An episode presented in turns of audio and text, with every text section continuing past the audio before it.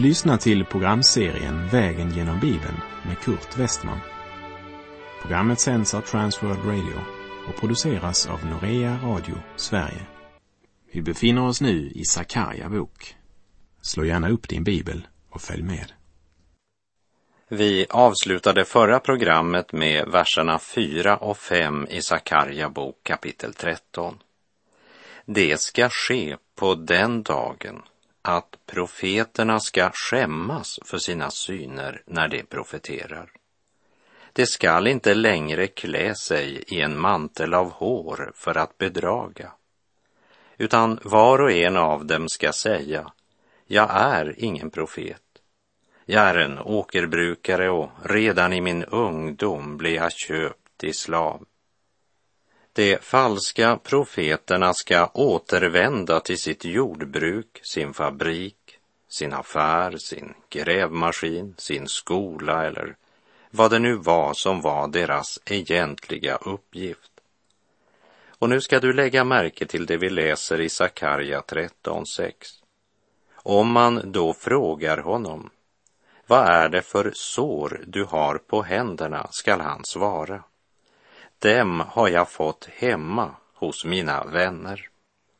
De sårmärkta händerna, det är en stark Kristus-illustration. Det är den lidande frälsarens kännetecken.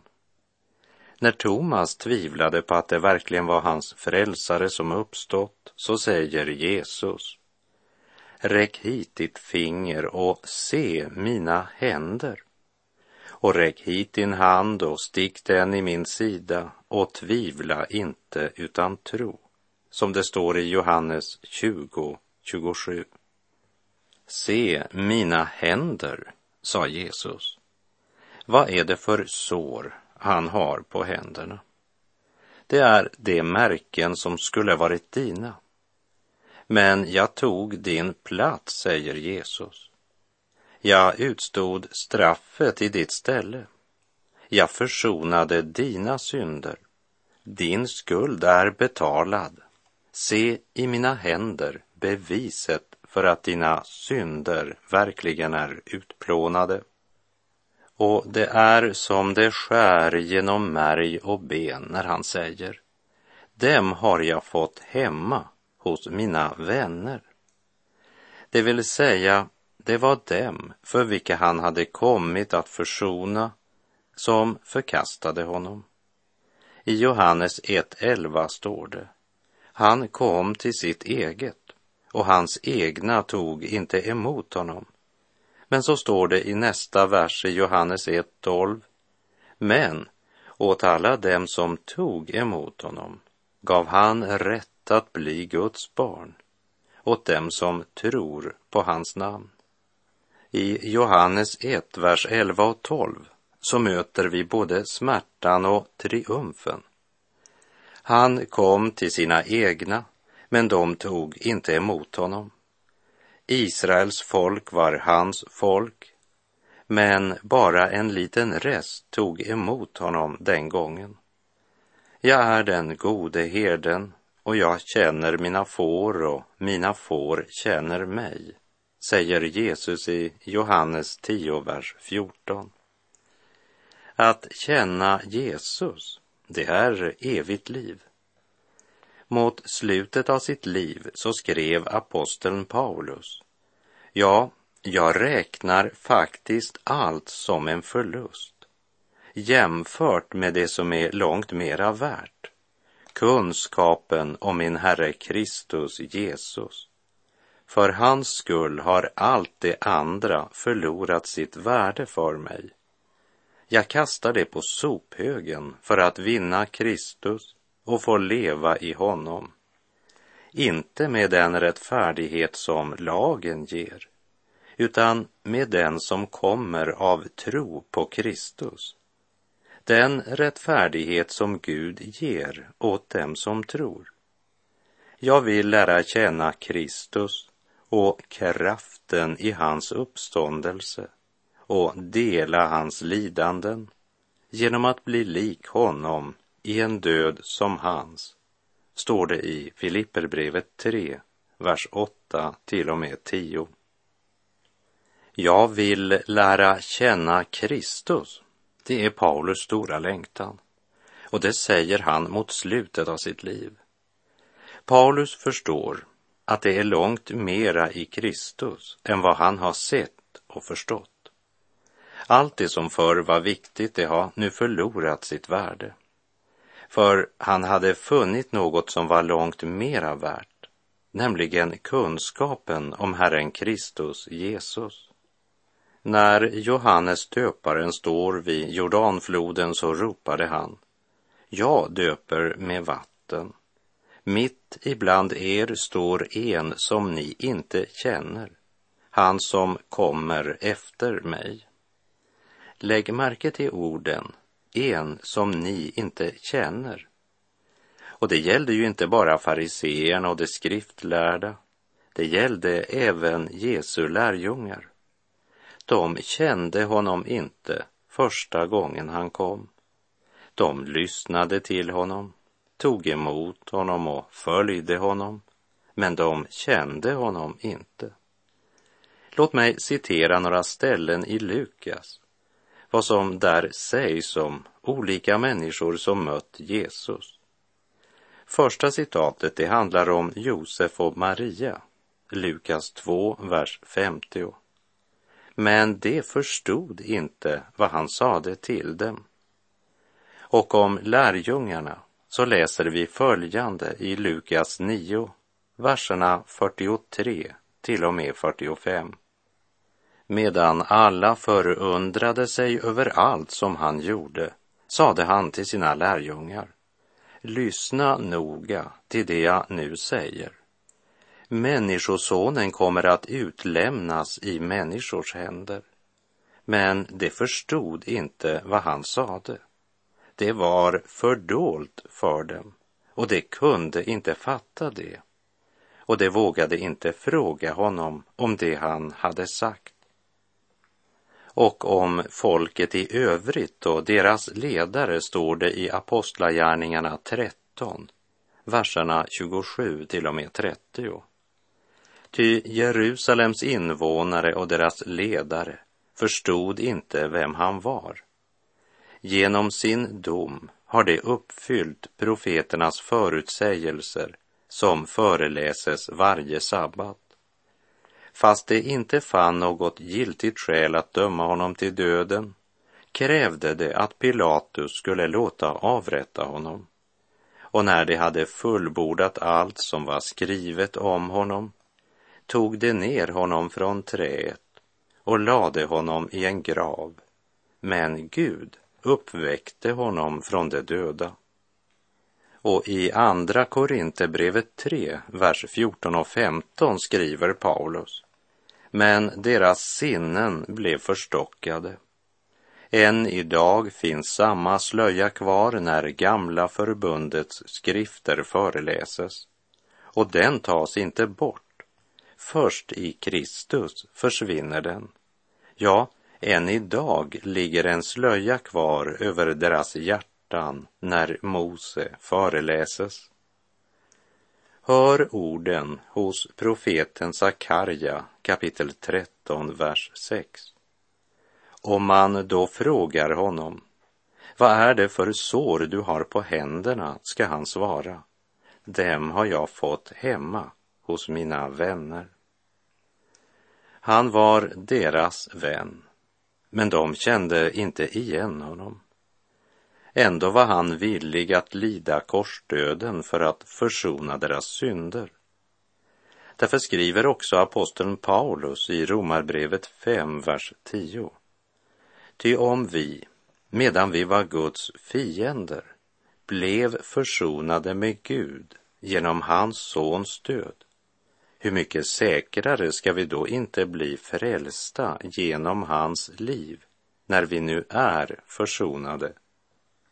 Vad är det för sår du har i händerna? Ja, vi borde bli stilla och tänka över det. Vad är det för sår han har i händerna? Och vad har de såren att säga oss?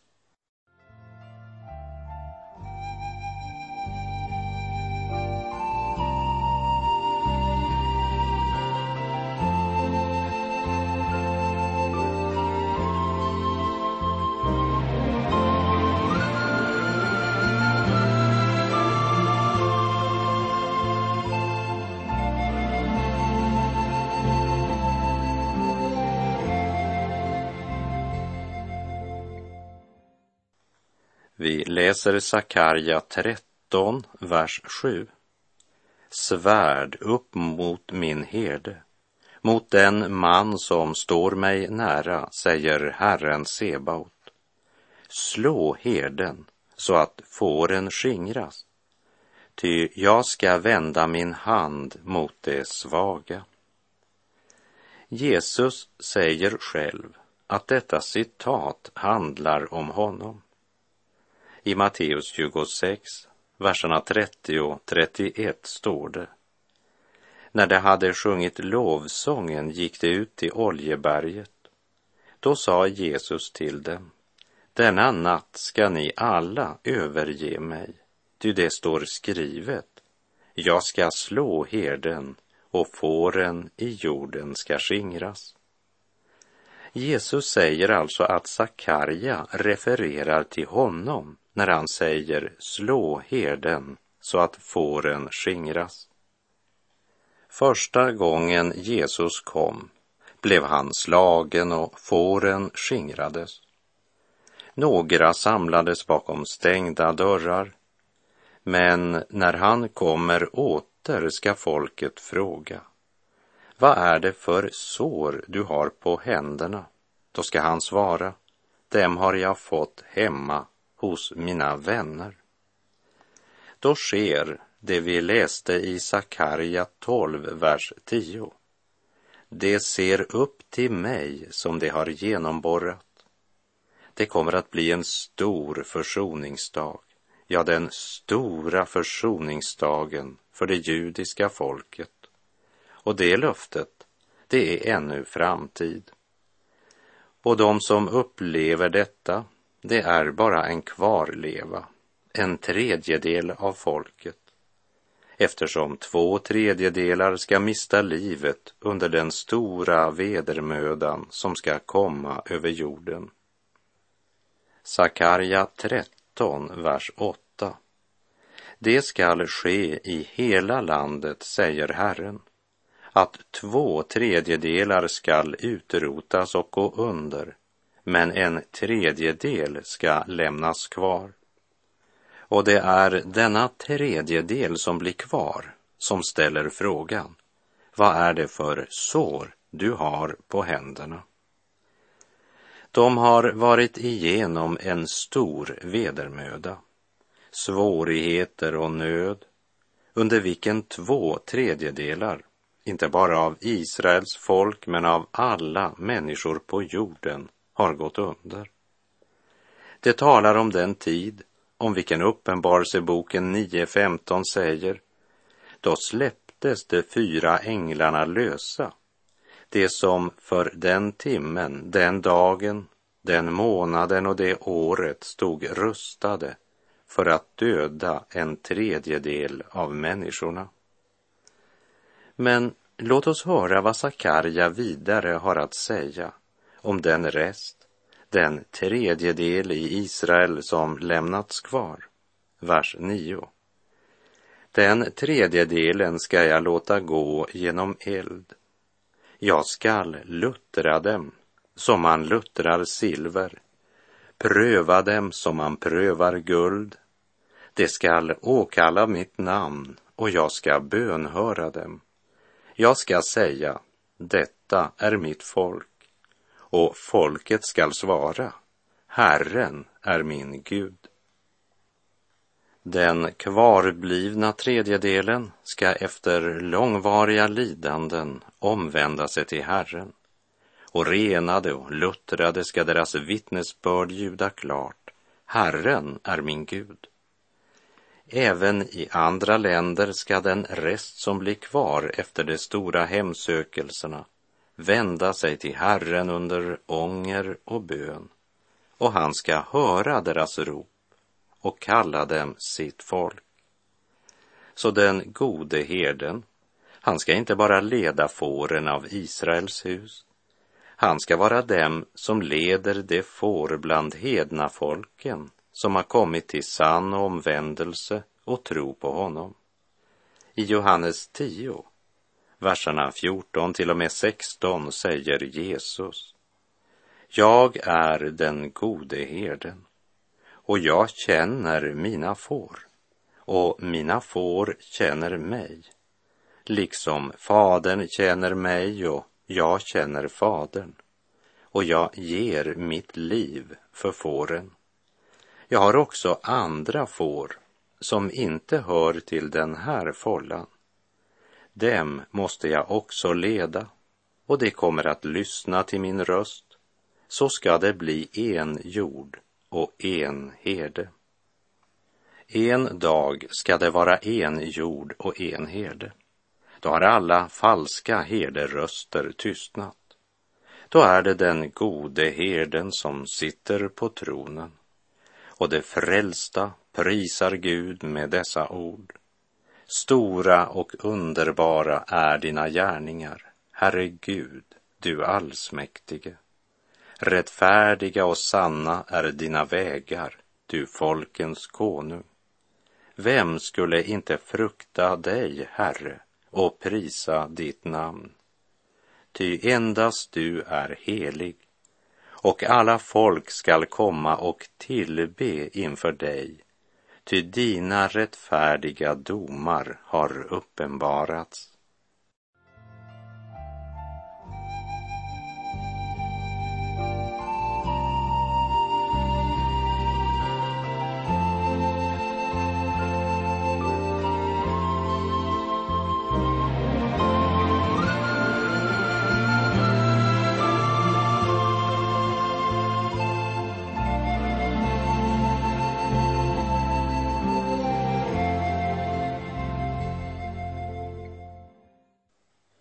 Sakarja kapitel 14 avslutar Sakarja-bokens sista del som omfattar kapitlen 9 till och med 14. Kapitel 9 till och med 11 talade om Messias första ankomst i förnedring för att lida och dö. Kapitlen 12 till och med 14 talar om Kristi återkomst i härlighet samtidigt som det delvis blickar tillbaka på den gärning han utförde första gången han kom. För på den vilar ju hela Guds suveräna frälsningsplan. Sista kapitlet summerar upp allt sammans och lägger liksom pusselbitarna på plats. Därför så har jag som överskrift över det fjortonde kapitlet satt kännetecken och fakta förbundna med Kristi kommande till vår jord. Vi läser Sakarja 14, vers 1 och 2. Se, Herrens dag kommer, då skall man plundra dig och fördela bytet. Ty jag ska samla alla hedna folk till strid mot Jerusalem. Staden kommer att intas, husen plundras och kvinnorna våldtas. Halva staden ska föras bort i fångenskap, men återstoden ska inte bli utrotad. Här är det inte romarnas ödeläggelse av Jerusalem det talas om, utan här talas det om vår tidsålders avslutning. Och till att börja med ser det ut som om Jerusalem skall gå under. Det ser ut som om Israels fiender skall triumfera. Jerusalem plundras och bytet fördelas mellan deras fiender. Sakarja 14, verserna 3 till och med 5. Sedan skall Herren gå ut i strid mot dessa hedna folk så som han stred förr på drabbningens dag. På den dagen skall han stå med sina fötter på Oljeberget, mitt emot Jerusalem österut. Och Oljeberget ska delas mitt i tu, från öster till väster, till en mycket stor dal, genom att hälften av berget viker undan mot norr och andra hälften mot söder. Och ni ska fly, som när ni flydde för jordbävningen på Ussias, juda kungs tid. Då skall Herren min Gud komma och alla de heliga med honom. Herren Jesus, han stod på Oljeberget då han blev upptagen till himlen. Hans förnedringstid var över, försoningsverket fullbordat, döden besegrad och seger vunnen. Men tiden var ännu inte inne då han skulle upprätta sitt rike i rättfärdighet. Då tiden är inne ska hela jorden skakas. Han ska återstå med sina fötter på Oljeberget, men denna gång i ära, makt och härlighet. När det ser ut som allt är förlorat för Guds barn kommer Herren Gud och alla heliga med honom. Men det börjar med att hela skapelsen skakas av de himmelska krafter. Så Herrens dag börjar med mörker som vänds i ett evigt ljus. Först långfredag, sedan påskmorgon. Eller som det är uttryckt i Sakarja 14, vers 6 och 7. Det ska ske på den dagen att ljuset skall bli borta. Himlens ljus skall förmörkas. Det blir en särskild dag, känd av Herren. Inte dag och inte natt. Men det ska ske att när aftonen kommer blir ljust. Skapelseordningen förändras. Människorna står förvirrade. Är det dag eller är det natt eller är det något annat? Herrens dag handlar inte om ett dygn, men om ett skeende. Och därmed är vi inne i det skeende då Gud upprättar Israels rike på jord. Sakarja 14, vers 8 och 9. Det skall ske på den dagen att rinnande vatten skall utgå från Jerusalem, ena hälften mot östra havet och andra hälften mot västra havet. Både sommar och vinter skall det vara så. Herren ska då vara konung över hela jorden. På den dagen skall det ske. Herren är en och hans namn ett. Det är uppenbart att Jerusalem som varit en inlandsstad ska bli en hamnstad när detta sker. Samtidigt talar det om livets vatten vars källa strömmar ut från Jerusalem. Herren ska då vara konung över hela jorden. På den dagen skall det ske. Herren är en och hans namn ett. Här vill jag repetera vad profeten Sefania säger i kapitel 3, vers 9. Se, jag ska ge folken renade läppar och de ska alla åkalla Herrens namn och tillsammans tjäna honom. Och genom Malaki, som är Gamla testamentets sista profet, talar Herren om den dag då rättfärdighetens sol går upp med läkedom under sina vingar. Genom Sefanja talar Herren om dagen då folken fått renade läppar och gemensamt åkallar Herrens namn och tjänar honom. Vi har nu nått längre än till domens mörker. Vi befinner oss inte längre i den Herrens dag som börjar med mörker, utan nu har solen gått upp och läkedomens underbara ljus strålar över mänskligheten. Sakarja 14, vers 10 och 11. Hela landet från Geba till Rimmon, söder om Jerusalem, ska förvandlas till en slätt men staden ska vara upphöjd och förbli på sin plats. Från Benjaminsporten till den plats där den förra porten stod, till hörnporten och Hananeltornet, till de kungliga vinpressarna. Folket skall bo där i ro och inte mer lämnas till undergång. Jerusalem ska bo i trygghet. En teolog hävdade att det här måste uppfattas som en bild eftersom ingen vet var Hananel-tornet låg. Men efter att han skrev det så har arkeologerna lokaliserat Hananel-tornets plats. Så denne broder måste nog komma med en annan tolkning. Genom den jordbävning där Oljeberget rämnar så ska vatten välla upp under Tempelberget. Strömmen delar sig så att hälften flyter rakt åt öster genom Oljeberget mot Döda havet. En del av strömmen ska flyta västerut mot Medelhavet. Då ska Herren vara kung över alla länder och då förenas allt Guds folk, judar och hedningar. Då blir det en herde och en enad jord.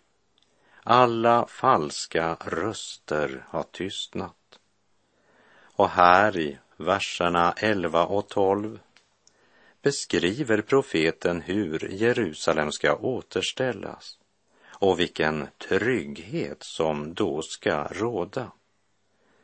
Jerusalem ska då vara centrum för Jesu Kristi härligaste uppenbarelse under den tid som detta fredsrike ska räcka. I Uppenbarelsebokens tjugonde kapitel, vers 2 och 3 berättas följande. Och han grep draken, den gamla ormen, det är djävulen och Satan, och band honom för tusen år. Sedan kastade ängeln honom i avgrunden, stängde till den och förseglade den över honom, för att han inte längre skulle bedra folken förrän de tusen åren har nått sitt slut. Därefter ska han släppas lös för en kort tid. Vi veta ej dag, vi veta ej stund, när gryningen inne är. Vi veta likväl på löftenas grund att frälsningens dag är när. Och med det så är vår tid ute för den här gången. På återhörande, om du vill och om Herren ger oss en ny nådedag. Sök Herren medan han låter sig finnas. Åkalla honom medan han är nära. Herren vare med dig. Må hans välsignelse vila över dig. Gud är god. Du har lyssnat till programserien Vägen genom Bibeln med Kurt Westman som sänds av Transworld Radio. Programserien är producerad av Norea Radio Sverige. Om du önskar mer information om vårt radiomissionsarbete så skriv till Norea Radio Sverige, box 3419 103 68 Stockholm. Adressen är alltså Norea Radio Sverige, box 3419. Postnumret 10368 Stockholm.